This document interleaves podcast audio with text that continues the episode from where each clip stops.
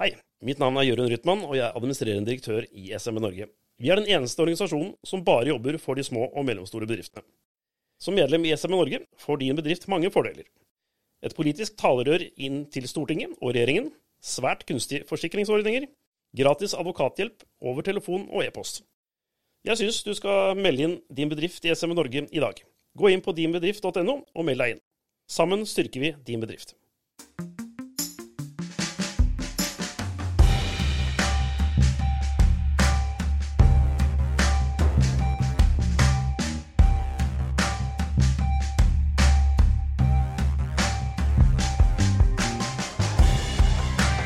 Hei og velkommen til en ny episode av SMB Norge-podkasten. Og som vanlig så sitter jeg, Klaus Jacobsen, her.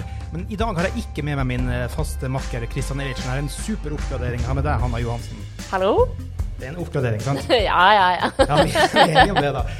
Og ikke minst så er det her tror jeg nå episode nummer 35 i SMB Norge-podkasten, men for første gang så har vi en såkalt livepod.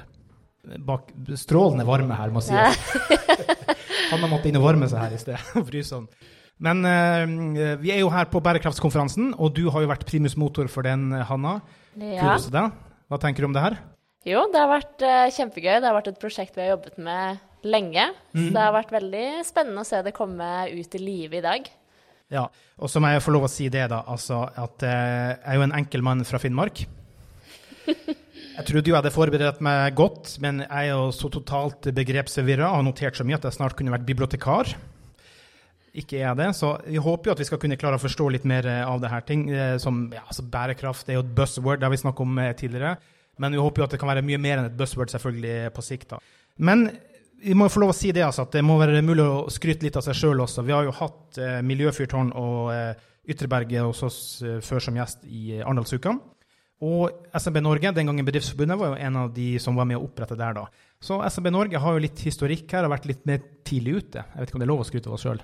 Jo da, litt selvskryt er vel lov i 2023, er det ikke det da? Ingenting er bedre enn selvskryt. Egne samtaler med seg sjøl. For de beste svarene. Sånn er det bare da. Men vi har jo også eh, storfint eh, besøk her i dag, da. Det har jo vært et, eh, et aldeles utvida livestudio her. Vi beklager det for de som skal lytte på podkasten i ettertid. Kommer på din podkast-app. Veldig store, romslige lokaler her på Neo House. Tusen takk til Neo House-folkene. Vi får ikke den ordinære studielyden, det får vi leve med. Og vi får kose oss med de gode folkene som vi har her i, i stedet. Og I dag så har jo de hatt da eh, bl.a. Maria Handal, direktør for politikk og regioner i UN Global Compact Norge. Det var nesten så lesebrevene mine hjalp meg fullt ut her da. Maria, hvordan har det vært å holde foredrag her i dag for uh, en ganske stor uh, gjeng, må det sies? Du, det har vært uh, kjempebra. Jeg tror at det er veldig viktig at organisasjoner som SMB Norge setter dette fokuset på bærekraft. Jeg tror, som vi har snakket om i dag, at veldig mange bedrifter har kommet langt, og små og mellomstore bedrifter begynner å henge litt etter. Eh, og de representerer 99% av norsk næringsliv. Vi må ha dem med hvis vi skal eh, være fremme i kampen om å, å ta del i norsk, eh, eller fremtidens næringsliv. Så veldig, veldig gøy å kunne være her. Ja. Og så, Line Asker, du er altså Skal vi se om jeg får ditt tittel også riktig, for jeg hadde det feil opprinnelig i notatene. Men du er fagleder bærekraft hos DNB. Gratulerer du også med flott foredrag i dag. Hva tenker du om det vi har satt fokus på her i dag? Nei, jeg må jo bare stemme i her. Det, bærekraft er en litt sånn uoversiktlig og forvirrende eh, egentlig tema å forholde seg til. Og jeg tror det å prøve å sette det i system, hvordan man faktisk kan jobbe med det for eh, SMB-markedet, er kjempeviktig. Mm. Så ja. Det har vært nyttig. Jeg syns også det var fint med de uh, samtalene man har litt sånn utenfor også det offisielle programmet. Mm. Det er ofte ja, like viktig, tenker jeg. Kanskje viktigere ofte med nettverksbygging. Mm. Mm. Men eh, Line, du da, representerer jo da DNB, som jo absolutt er en av Norges største bedrifter, må jo sies. Hva tenker dere om eh, bærekraft, eh, buzzwordet? Hva er bærekraft på vegne av DNB? Nei, altså bærekraft eh, sånn som eh, vi tolker det, det handler jo om nettopp det at man skal sikre at dagens befolkning får dekket sine behov, men samtidig at det ikke går på bekostning da av fremtidige generasjoners behov. Og i det så ligger det jo eh, enormt mange ulike problemstillinger. Det at man ikke overforbruker jorda, eh, slipper ut klimagassutslipp sånn at vi eh, varmer opp kloden vår så mye så at vi ikke faktisk ja, greier å tilfredsstille fremtidige generasjoners behov. Mm, mm. Maria, gratulerer selvfølgelig til deg også med flott eh, foredrag. Um, altså, UN Global Compact Norge. Først Forklar litt hva dere gjør. Dere er da for eventuelt nylyttere som ikke har vært her, da, som hører i podkast-appen. Dere er jo et stort globalt eh, bedriftsnettverk initiert av Kofi Annan i FN for over 20 år siden. Det var vel 21 000 bedrifter, men jeg noterte ned. Mm. Men hva gjør UN eh, Global Compact Norge? Hva vil du si at dere bidrar med? Og hva vil du si om det med buzzwordet bærekraft? da? Jeg kan jo begynne med oss. Vi ble jo da startet i Norge i 2019, så vi er jo relativt nye organisasjoner i norsk sammenheng. Men har da vært på FN-arenaen siden da 2000. Eh, det vi gjør, er egentlig å forene bedrifter eh, og, sette de sammen i samme rom. Vi jobber kanskje mest langs to dimensjoner. Nettverk, også kompetanseheving. Eh, I tillegg til da innovasjon. Da. Så vårt mål er at næringslivet skal følge det vi kaller de ti prinsippene for ansvarlig næringsliv. Mm. Og det er en slags minimumsstandard for hva man kan forvente at selskapene forplikter seg til. Og de rapporterer de på årlig til oss. da. Mm. Eh, og når det kommer til bærekraft, så vil jeg jo da kanskje si at det er det som er bærekraft for oss. Det er de ti prinsippene. Eh, antikorrupsjon, menneskerettigheter, klima og miljø. Mm. Eh, veldig, veldig viktig med den helheten. Eh, at man både ser på det sosiale, men også ser på, på klima, da. Mm. Og så noterte jeg meg underveis, som sagt, jeg er blitt bibliotekar her i kveld. altså at eh, Vesentlighetsanalyse, eller vesentlighetsverktøy som dere jobber ut, som lanseres snart sammen med Miljøfyrtårn, hva vil du si om det? Hva, hva er det egentlig? Ja, altså Vesentlighetsanalyse er jo et av de første tingene du burde gjøre som selskap når du skal begynne å jobbe med bærekraft. Det er altså, Litt sånn eh, tabloid sagt så kan man jo si at det er lett å bytte ut eh, plastikkbestikket. Eh, men det er viktig å se på hvor bedriften din har de største påvirkningene.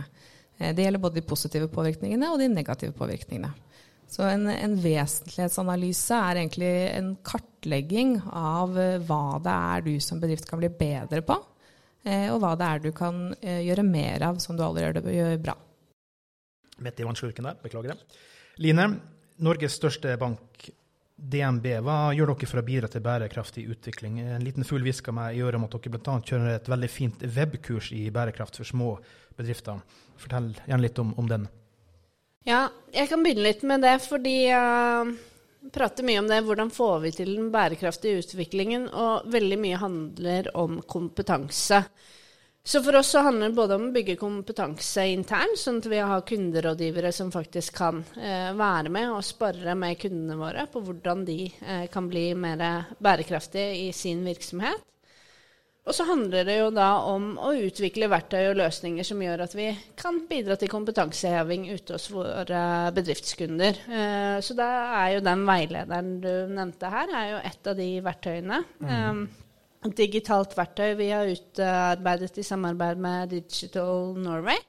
Som gir en liksom basisintroduksjon til bærekraft, eh, de ulike reguleringene som kommer, hvordan man setter i gang arbeidet. Mm. Og så er det jo, er det jo flere eh, verktøy vi har for å hjelpe eh, kundene våre og bidra også til den bærekraftige omstillingen.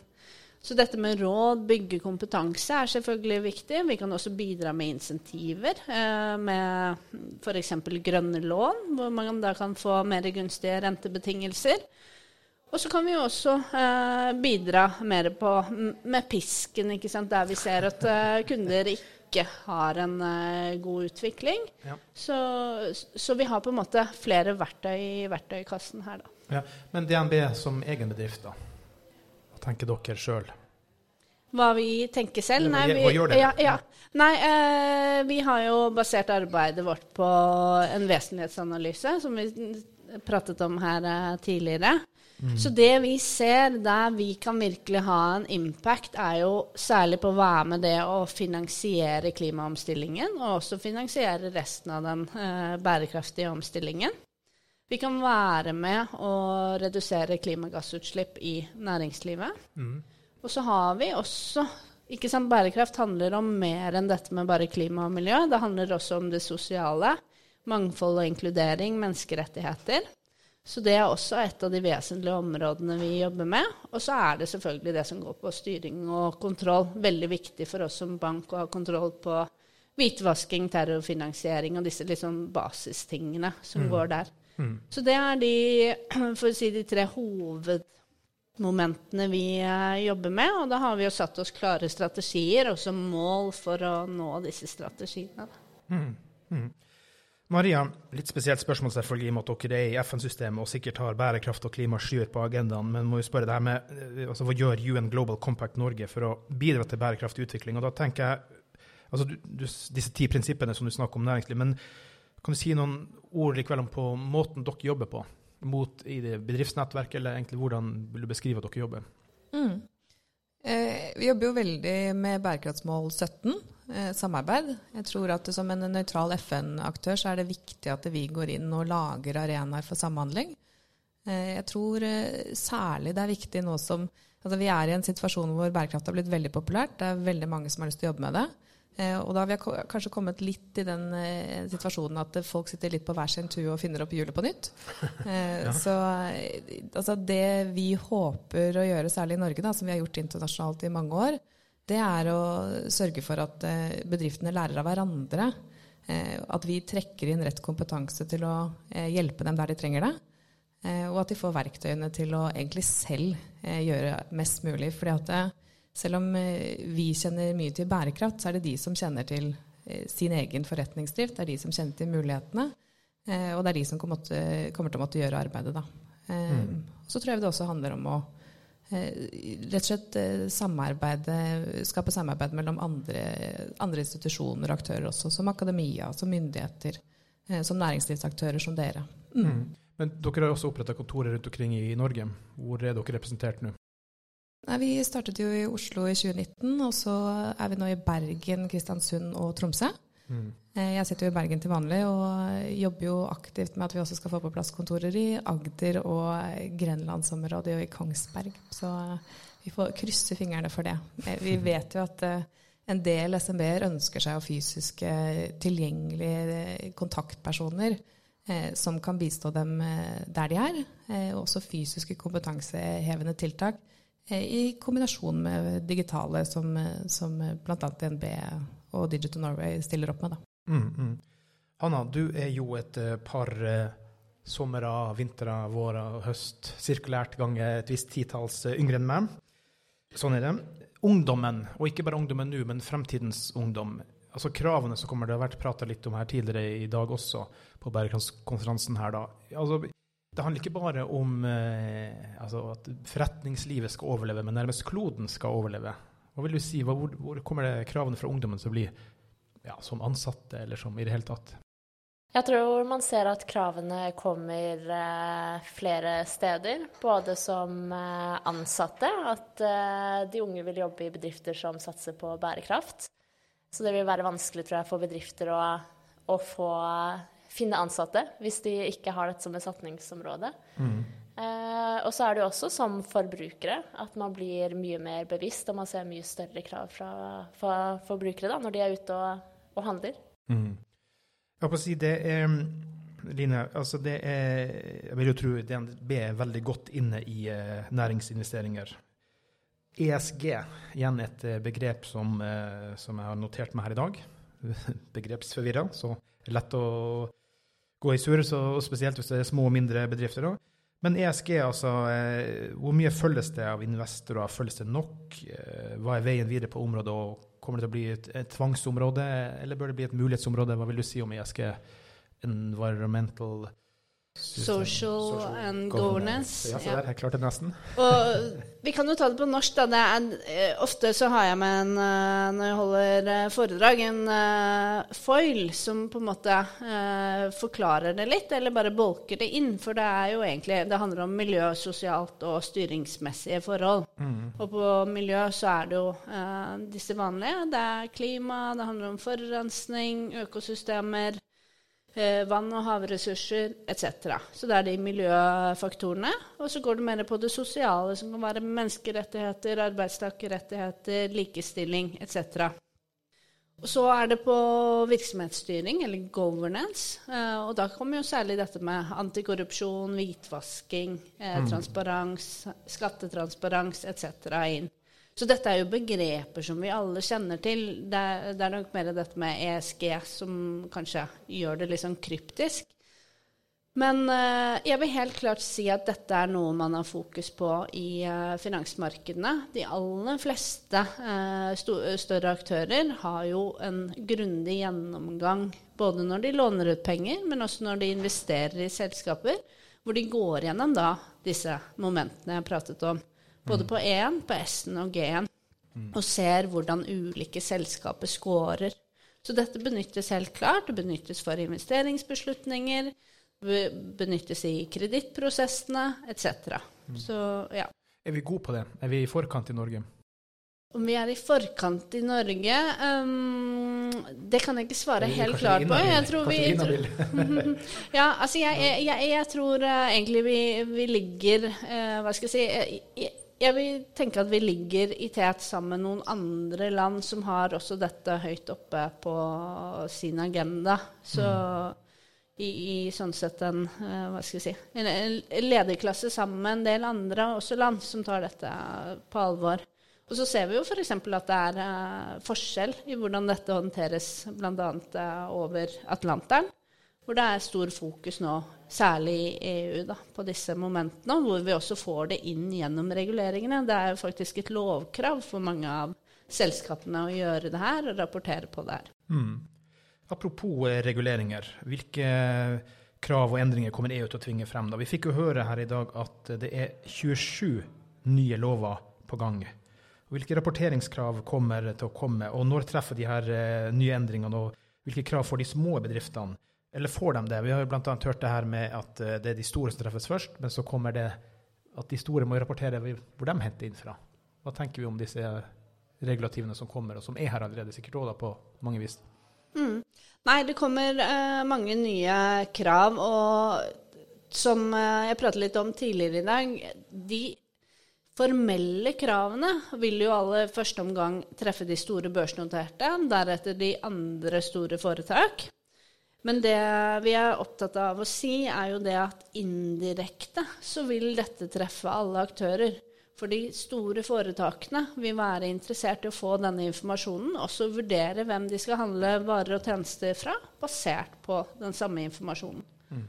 Så ja, dette vil, vil, treffe alle, tenker vi. Mm. Hva tenker du, Mariam? Nei, Jeg er helt enig. Jeg kan bare stille meg bak det. Eh, jeg tror nok eh, at eh, små og mellomstore bedrifter allerede opplever at banken ringer og spør om hva de gjør på bærekraft.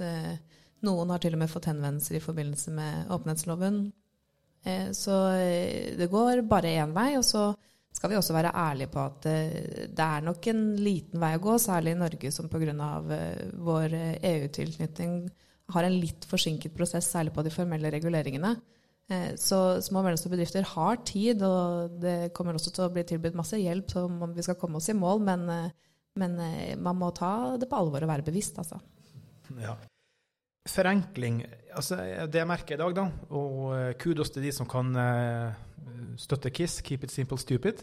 Det er mange begreper det flyr rundt. Jeg har skjønt det sånn at ISO-sertifisering, og nå må jeg se på notatene igjen, da 14001 er liksom the holy grail innen miljøsertifisering. Og så på en måte legges det frem eh, som at alle forstår det. Er det noen som kan forklare litt eh, den for en enkeltsjel fra Finnmark? Maria, f.eks. Uh, ja, altså Kort sagt da, så er det en, eh, en internasjonal standard for miljøstyring. Uh, og det er, som du sier, veldig, et veldig omfattende og veldig godt system.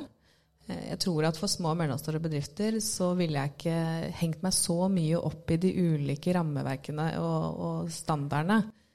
Fokuser heller på å kartlegge egen virksomhet ut ifra det begrepsapparatet du allerede har.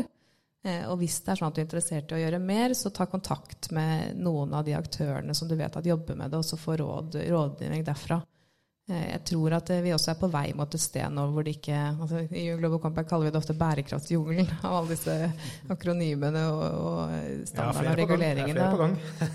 ja, og det er vanskelig ikke sant, å skulle forholde seg til. Så, så det er definitivt eh, mitt råd. altså Ikke, ikke henge seg så opp i det, i hvert fall i starten.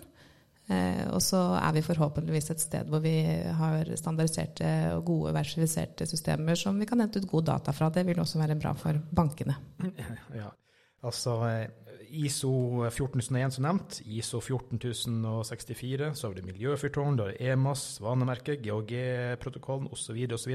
Hvordan skal Roger Rør, med kanskje én til to ansatte, klare å forholde seg til kontroll på alle de tingene her? For det kommer til å ramme dem til slutt òg. Hva skal man si til de aller enkleste som sier Roger Ørda som gjør alt sjøl? Line, hva tenker du? Altså, han er regnskapsfører, han er altså, HR-assistent, han, han, er vaktmester, han er daglig leder. Han er alt. Hvordan skal de små, som vi jo selvfølgelig mest representerer, hvordan skal de klare seg i jungelen her? Nå må jeg bare si, og, og dere har jo også fått presentert ulike, ulike løsninger også uh, i løpet av dagen. og det dette er jo et marked som er uh, i, i, utvikling. Der det er et behov, vil det jo fort komme markedsaktører uh, og mm. andre aktører som faktisk tilbyr løsninger for å forenkle det her. Uh, så jeg ville kanskje startet med å sondere det markedet, for nå begynner det faktisk å bli en del aktører som kan tilby løsninger for å enkelt og greit uh, komme i gang med arbeidet uh, og de tilfredsstille disse basiskravene. Da. Mm. Uh, så det er ja, det er sånn sett mitt tips. Og, men jeg tenker oppi det her òg, det, det å kunne reflektere litt rundt det. Det tenker jeg blir viktig oppi de løsningene som nå utvikles for mindre aktører. At det også ligger en slags mulighet for aktørene selv å tenke gjennom, vurdere, sånn at man får litt mer det strategiske fokuset på det òg. At det ikke blir bare en sånn sjekkeøvelse hvor du henter ut noen sånne ja, du henter ut noen sjablongverdier fra et eller annet system, og så får du en rapport, og så Da var det gjort, på en måte. Da, mm. da, da gir det ikke så mye men, mening. Så det at man også eh, er litt bevisst det at liksom hvor, hvor ligger mulighetene? Fordi det er mange muligheter her for de selskapene som griper de nye markedene, de nye markedsmulighetene. Og så er det en del risiko også for at man f.eks. kan gå glipp, av, uh, gå glipp av avtaler. Man kan ha en type risiko som man ikke er klar over, som kan ha påvirkning på eiendommer og andre assets man uh, besitter. da. Så det å gjøre den analysen uh, tror jeg er nyttig. Og så er det selvfølgelig forskjell på størrelser her, så man må avpasse det litt etter. Men uh, det er de to. Søk etter nyttige verktøy, hva som finnes der ute. Sikkert noen som har gode råd om det. Og gjør deg noen analyser og vurderinger selv. Ja, Og ikke tenk at du slipper unna, for det blir som at de store blir ramma, og du tenker at ja, men det traff ikke meg. Men du leverer kanskje til Hydro eller til Equinor osv., så, videre, så til slutt så får du noen spørsmål, du òg. Det blir en utfordring. Ja, ja mm. nettopp. Mm. Og så, altså Som Varsom-plakaten for, eh, for, eh, journalister, så er det jo nå, sånn som jeg skjønner, også en slags eh, grønnvaskingsplakat. Fra et næringsperspektiv, er grønnvasking faktisk en reell utfordring vi står opp mot? Er, det, er vi der? Jeg vil si både ja og nei. Og så tror jeg litt av, litt av, grunnen til at uh, vi har denne grønnvaskingsrisikoen, uh, det er jo fordi ok, vi har hatt en periode nå hvor mange har hatt lyst til å på en måte profilere seg på bærekraft. Mm. Uh, der tror jeg vi har hatt en grønnvasking. Buzzword. buzzword. Ja, buzzword, ja. ikke sant. Hvor man kommer med om det er rapporter eller mar markedsføringsmateriell hvor man viser uh, noen bilder av blomster og smilende barn og Ikke sant? Uh. Men vi er litt bort ifra det. Så det jeg ser på Fordi den, den tror jeg de fleste har skjønt at liksom det kan man ikke gjøre Nei, lenger. Sånn at jeg tror de mest ivrige markedsførerne der har på en måte ja, gått eh, andre veier. Men, men, men, eh, det man ser, da, som jeg tenker er det viktige her, er liksom sånn Hva er faktisk bærekraftig? Eh, har man kompetansen, forståelse for det? Og det er der jeg tror problem, problematikken ligger i dag. At noen kan liksom tenke ja, men dette var jo bærekraftig, og så har de kanskje ikke kompetanse på at det var faktisk ikke det likevel. Nei. Så jeg tror det er mer kanskje at det kan bli litt mer sånn feil, uh, feiltråding enn det faktisk er reelt sånn vi ønsker å grønnvaske. Mm. Og det er jo der dette har kommet opp, dette nye ordet òg, som de kaller er det green hustling.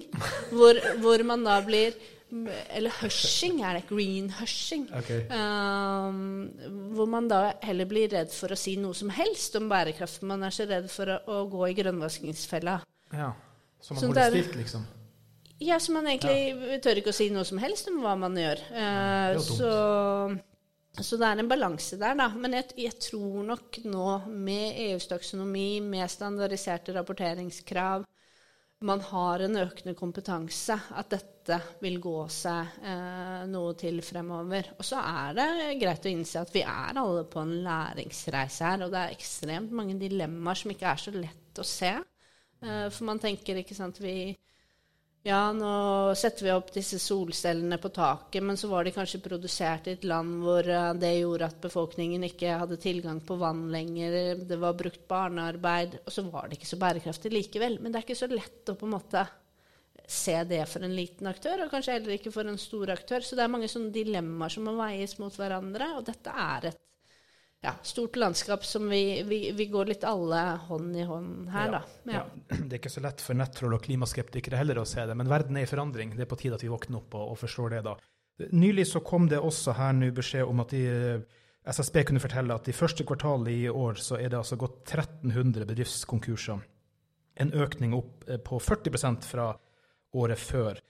Kan jeg spørre deg først, Maria. Vil store økonomiske utfordringer innen næringslivet nå kunne bremse opp bærekraftsutviklingen? Vi er jo i en global økonomisk krise i tillegg til det her. Altså, Ja, altså Nå vet ikke jeg om jeg er den beste personen for å, for å svare på det, men eh, hvis man skal eh, si noe på det, så tror jeg at eh, åpenbart så trenger man grønne tall for å drive med bærekraftig utvikling. Det er ikke et en-til-en-forhold mellom lønnsomhet og bærekraft. Og der hvor det finnes de veldig store mulighetene som man kan tjene mye penger på, der er det også høy risiko og et eh, høyt nivå av eh, kapital og kostnader som skal til. Eh, Så eh, åpenbart er det vanskelig. Vi så det også under koronakrisen. Det, er, det blir mer fattigdom. Det er rett og slett vanskeligere å jobbe med bærekraft i de situasjonene der. Men det som også er viktig å si, er at det arbeidet vi gjør med bærekraft, er også med på å eh, senke den risikoen for disse krisene senere. Eh, ikke sant? Når vi snakker f.eks. om klimarisiko, hvis vi kommer over 1,5-gradersmålet, eh, så snakker vi om, om naturkatastrofer som kommer til å være veldig kostbare. Eh, når vi, vi kan snakke om geopolitiske situasjoner som kommer til å komme veldig, veldig tett på. Eh, og i en allerede ganske globalisert eh, verden, så, så vil også små og mellomstore bedrifter i Norge kjenne godt på det. Altså. Mm. Hva tenker du, Line, om eh, potensiell oppbremsing her pga. økonomien? Kan det skje, eller er det ikke noe å bekymre seg for? Her er vel også svaret litt eh, ikke bare svart-hvitt, men eh, jeg vil jo si det at det man har sett med den eh, geopolitiske situasjonen og energiforsyningssikkerheten, det er jo faktisk at man har fremskyndet egentlig disse målene på fornybarandelen, f.eks. i Europa. Så der har jo plutselig farten økt uh, isteden. Og egentlig litt av andre årsaker, da, fordi disse eh, landene nå trenger, eh, trenger å være selvforsynt med energi, og da er jo på en måte fornybar energi det de går inn i. Så det er litt sånn eh, Det er jo både og her, og jeg tror nok det vil selvfølgelig være noen av deler av næringslivet som kanskje Ja, kanskje det var det konsulentoppdraget på bærekraft som da ikke blir prioritert når de får dårligere lønnsomhet. Så, så selvfølgelig det kan ha noen sånne konsekvenser. Men man ser ikke helt uh, Ja. Du ser ikke at, uh, at, dette er en full brems på noe som helst måte, og heller har akselerert andre. Ja. Mm. Og så tenker jeg at uh, vi må jo akseptere i den økonomiske systemet som vi, som vi har, at noen kommer til å gå konkurs, og noen kommer til å overleve. Og særlig disse store skiftene og omstillingene som, som bærekraft kommer til å være, så er det naturlig at det skjer. Og da er det jo viktig at bedriftene tenker på hvordan de kan være de som kommer seirende ut av det, og ikke omvendt. Mm. Line, vi har jo akkurat fått en ny rapport i hendene, jeg har ikke lest den sjøl, men det er jo et ekspertutvalg ledet av tidligere klima- og miljøminister fra Høyre, Vidar Helgesen, satt ned av Kirkens Nødhjelp, Norsk Folkehjelp, Flyktninghjelpen, Redd Barna, Caritas Norge og Norges Røde Kors lanserte nå mandag denne uka rapporten Hvis ikke Norge, hvem? Som da omhandler klimafinansiering, og i grunn ber den vel egentlig Norge om å sette seg virkelig førersetet på klimafinansiering. Altså virkelig slå på stortromma, rett og slett. Hva tenker du om den? Har du lest den sjøl? Jeg har ikke lest den. Eh, klimafinansiering er et tema som eh, jeg syns er ekstremt interessant, men samtidig ekstremt eh, komplisert. Det er jo flere som jobber også med det, bl.a. i OECD, hvor man ser på disse løsningene for hvordan skal man faktisk få det til. Og jeg tenker jo helt klart, selvfølgelig, eh, vi sitter i Norge. Vi kan være med og uh, ha den diskusjonen, prøve ut nye løsninger for hvordan vi får til klimafinansiering. Vi har jo noen eksempler på det allerede i dag eh, fra myndighetshold, hvor man er med og, sammen med private aktører og bidrar til å finansiere klimatiltak etc. I, eh, i utviklingsland.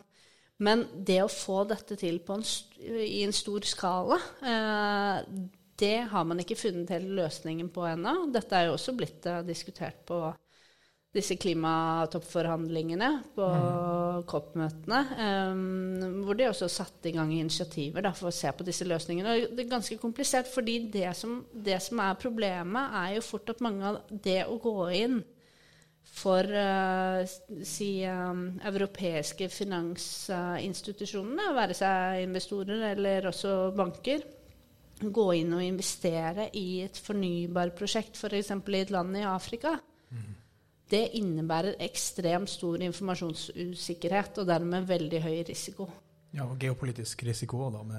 ja, og man vet ikke, ikke sant, hvordan utvikler markedene seg, eh, hvordan vil prisene være, er det ja, ikke sant, eh, geopolitiske forhold, det kan være et land med høy politisk uro f.eks.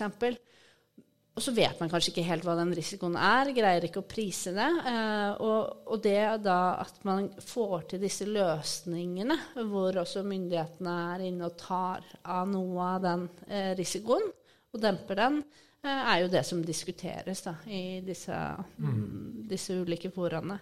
Så, men helt klart, uh, Norge har en viktig rolle inn her. Ja. ja. Og så er vi også redd for inflasjon, da. Men hvis vi begynner å bruke milliarder i andre land, så skjer det ikke noe med vår inflasjon, i hvert fall. Jeg vet ikke om det er litt kynisk tenkt, men det er jo et perspektiv. Vi går jo pluss på, på statsbudsjettet som vi ikke tør å bruke her, av frykt for inflasjonsheving i Norge. Er det et perspektiv, eller er det helt feil? Ah, jeg, altså Fra mitt perspektiv så var, det, var dette først uh, i, i, forhold til det å være med å utvikle disse løsningene.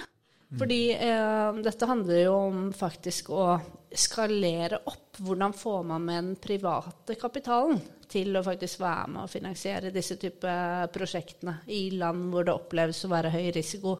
Mm. Så sånn sett ikke nødvendigvis uh, nødvendigvis store liksom, utgifter fra statsbudsjettet. Det handler mer om de tekniske løsningene. Hvordan får vi det på mm. plass? Mm. Maria? Mm. Og jeg tror eh, det med risiko er kjempeviktig, og, og, og også det med skalering.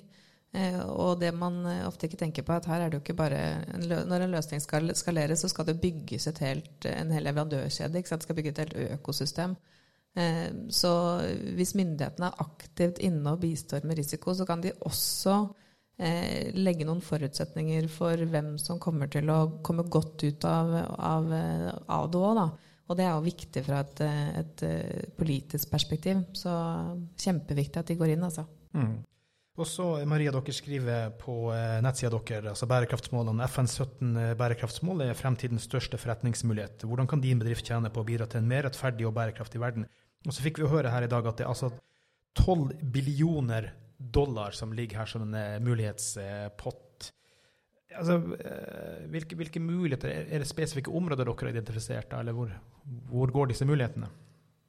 Ja, altså, eh, nå, Som jeg nevnte i stad, så skal vi være litt redelige på dette med lønnsomhet og bærekraft. Men man ser jo at eh, Og dette 12 billioner amerikanske dollar, det er jo et estimat Billioner, ikke millioner. Billioner. Billioner, ja. Mange flere nuller. ja. Eh, det er, altså, hvis man skal, det er ca. 10% av verdens GDP i dag. Ja. Mm. Eller BNP. Mm. Men nei, altså Og det er jo et estimat gjort av, av noen som, som, på en måte sier litt om hva som frigjøres av kapital, og hva som skal flyttes. Men eh, det de peker på, den, særlig den rapporten der, da, de sier at eh, det er noen sånne større vekstområder. Det er helse, eh, det er byer og infrastruktur. Det er også digitalisering kommer til å være aktivt, aktivt inn. De nevner vel også mat og landbruk som viktig. Mm. Og det er vel, er vel, særlig de som pekes på, da. Så, og dette så vil det jo være litt avhengig av hvor du er i verden. Eh, det aller, aller beste innovasjonene gjøres jo på eksisterende teknologi. Eh, så, så, det å tenke liksom hva slags konkurransefortrinn ligger allerede der, eh, både i egen virksomhet og også i regioner, er kjempeviktig. Så, så, her er det litt vanskelig å gi et sånn lett svar på, på, hva som er fremtidens næringsliv og de konkrete forretningsmulighetene. Ja. Så, altså det handler jo om å gjøre godt. Det handler ikke bare om forretninger og business, det handler om å gjøre godt. Er det lov å spørre om noen av de 17 bærekraftsmålene er viktigere enn andre, eller er det et forbudt spørsmål i dagens verden? Forbudt og forbudt. Jeg, jeg har i hvert fall ikke valgt meg ut ett som er uh, viktigere enn andre. Jeg ser at uh, mange av disse henger også veldig tett sammen. Vi løser ikke klimautfordringen uten å løse også uh, naturutfordringen. Vi må ha med omstillingen til en sirkulær økonomi hvis vi skal greie det her. Og vi må også ha støtte i befolkningen. Det betyr at folk, altså man må oppfylle disse sosiale målene. For hvis man ikke sikrer at folk faktisk har eh, et godt eh, liv, eh, hvor de får tilfredsstilt sine behov, så vil de heller ikke være med på den omstillingen som er nødvendig. Så dette henger veldig, veldig tett sammen. Mm. Apropos folk, det fikk vi jo vite her i dag også, nå husker jeg ikke hvem som hadde den, men undersøkelser viser jo at folk globalt, kanskje litt mindre i Norge, men globalt, faktisk tror mer på næringslivet enn politikerne når det gjelder å løse klimautfordringene. Hva, hva sier det om mulighetene, da? Det, er, eh, det, det, gir jo et eh, Eller det hviler et tungt ansvar også på næringslivet her. Jeg mm. tror nok det som Eller det um, grunnen til at befolkningen har svart på den måten, er at man ser en litt sånn kanskje ikke tiltaksløshet, men man syns det går for sent. Uh, man tror altså, Det handler litt om dette byråkratiet. Da. Man ser at her trengs det innovasjon, litt raske løsninger, omstillinger. Uh, og der er jo næringslivet nok noe mer frampå uh, og lettere på å være i endring. Så mm. jeg tror det er litt uh, det det skyldes. Men jeg mener jo også at sant, myndighetene har en helt klart ekstremt viktig rolle her.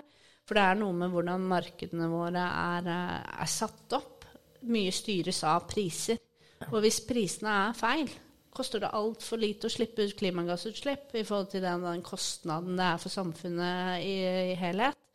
Koster det ingenting å faktisk eh, ødelegge naturen, eh, slippe ut forurensning etc., så vil man jo på en måte eh, ikke greie som et næringsliv heller å nå disse målene. Så man, det krever jo også at politikerne tar en, en rolle i forhold til å skape de eh, skape de markedene som faktisk støtter opp under de målene. Da. Mm. Bedre raske løsninger enn raske briller. Eh, Maria, hva tenker du det om at folk har tiltro mer til næringslivet enn politikerne? Jeg tror det er eh, sammensatt. Jeg tror det både handler, Dette er jo tall som går på verden som helhet. Og det er jo klart at det, at det er jo ikke alle som har like høy tiltro til myndighetene i sitt land. I Norge er jo bildet litt annerledes. Eh, der opplever man jo at eh, staten eh, både gjør rett, men også, også vil rett. Så, men, men, jeg tror nok at det, det, er viktig å si at det, skjer veldig mye i næringslivet, og de tar veldig mye ansvar, syns jeg. Og det tror jeg også folk ser og opplever. Og så skal det også sies da til politikerne sitt forsvar at Eh, Norge, Norge, og land er veldig komplekse. Det er et kjempekomplekst AS. Du har masse ulike hensyn eh, å skulle ta hensyn til. Og, og, det er også viktig at de tar rette avgjørelsene, og at de ikke for, forhaster seg. Så, så, det skjer mye der òg, men, men, eh, det er kanskje litt vanskeligere å se også, da, fordi det er så komplekst. Mm. Nå skal vi snart gå inn for landing, faktisk helt uten CO2-utslipp her. Det er jo ikke verst i seg sjøl, det, altså. Men eh, for de små eh, bedriftene, for å gjøre noe bærekraftig og bra for kloden vår, eh, hvor skal SMB-erne finne disse mulighetene? Hvor skal, hvor skal, man gå først? Hva er det viktigste tipset her? Nei, da er vi jo litt tilbake til, til denne analysen, da, for å ta på meg brillene her. Men det handler jo om ikke sant, Dette vil jo være forskjellig fra hvor man opererer, hvilken mm. bransje man opererer i. Så hvis man f.eks. holder på uh, med transporttjenester, er rundt og leverer ting, eller er en underleverandør uh, innenfor den sektoren, så handler det jo om å da kunne tilby uh, f.eks. Uh, transport uten klimagassutslipp. Det vil jo være noe flere og flere større bedrifter vil eh, etterspørre når de eh, henter inn sånne type tjenester fra andre aktører. Så Det var bare et eksempel. Så det er liksom, Du må kalibrere i forhold til hvilken eh, sektor og bransje du opererer i, og finne ut hvor kan jeg faktisk ha et fortrinn. Så enten så må man endre da litt i sin egen virksomhet, men så er det jo masse markedsmuligheter der også. Mm. Apropos det vi pratet om med verktøy. Det er enormt behov for kompetanse, standardisering, hjelpe ulike selskaper. Så jeg tenker liksom på de som jobber innenfor Det blir jo ikke IT, da, men IT-verktøy, digitalisering, der er det jo enorm, enorme mengder muligheter. Og så er det jo alle disse som jobber med mer sånn teknologiske og naturbaserte nye løsninger, eh, som jeg har veldig dårlig oversikt over. Men jeg bare ser at det popper opp nye ting, nye løsninger. Kjempespennende. Sikkert, eller vet at det er høy risiko å gå inn eh, i en del av disse, men samtidig eh, ja, uh, store muligheter for å på en måte skape noe nytt. Da, og være med å ta, ta en konkurranseposisjon. Så, ja. Mennesket er jo ekstremt kreativt og ønsker jo alltid å søke. Hva vil du si avslutningsvis, Maria, om mulighetene? Nei, altså Norge har jo kjempegode forutsetninger til å lykkes. Vi har et veldig produktivt arbeidsliv. Eh, vi har et veldig ansvarlig arbeidsliv. Eh, vi er veldig digitalisert. Det hjelper veldig. Eh, så jeg tror at som en, en liten og mellomstor bedrift, bruk de fortrinnene aktivt. Og så vil jeg jo gå tilbake til det vi snakket om i stad, som er vesentlighetsanalyse. Begynn med det. Absolutt. Så, så, og litt sånn hvis du skal tenke innovasjon, da, hvis du vil prøve deg på det Norge og EU frigir nå masse midler fra offentlig side og privat side Eh, som kan brukes i innovasjonsprosjekter. Så, så, søk penger, gå sammen med noen andre. Vi har et kjempespennende prosjekt i Nord-Norge hvor tre av våre medlemsbedrifter har gått sammen om en felles bærekraftsansvarlig som skal utvikle livssyklusanalyser på deres eh, produkter. Eh, som bl.a. er sjømat eller turmat, eh, som, som, er nybrottsarbeid, men som, som, har gitt veldig mange positive ringvirkninger. Da. Så vær litt kreativ. Mm, mm. Vi skal straks gå inn for landing. Jeg vil bare tipse dere både i salen her og podkastlytterne hjemme i de tusen hjem.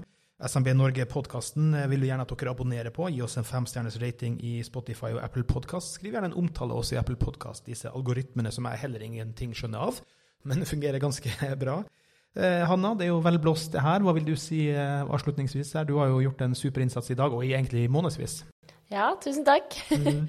Nei, altså Målet med denne konferansen var at det skulle være en startpakke for bedrifter å komme i gang med bærekraftsarbeid. Og det håper jeg det har vært. Det har i hvert fall vært mye nyttig kunnskap, mange nyttige verktøy som har blitt presentert. Mm. Og så skal jo vi i SMB Norge fortsette å være en aktør som, som bidrar med informasjon og, og arenaer for å skape nettverk mellom SMB-er som ønsker å komme i gang med dette. da. Ja, og For de som eventuelt har litt energi igjen i skrotten, så er det nå litt videre etterpå. Hva er det som skjer til slutt i kveld?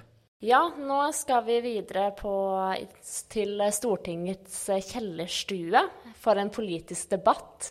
Mm. Nå har det jo kommet opp en del ting her som myndighetene kan ta tak i, så da flytter vi det inn på Stortinget og tar debatten der. Eh, så jeg håper jo at de fleste blir med ned dit, da. Mm. Vi går som sagt inn for landing helt uten CO2-utslipp. Eh, vi takker publikummet, vi takker Line Asker, vi takker Maria Handal. Tusen takk til alle som har stilt opp, og eh, takk for i dag, folkens.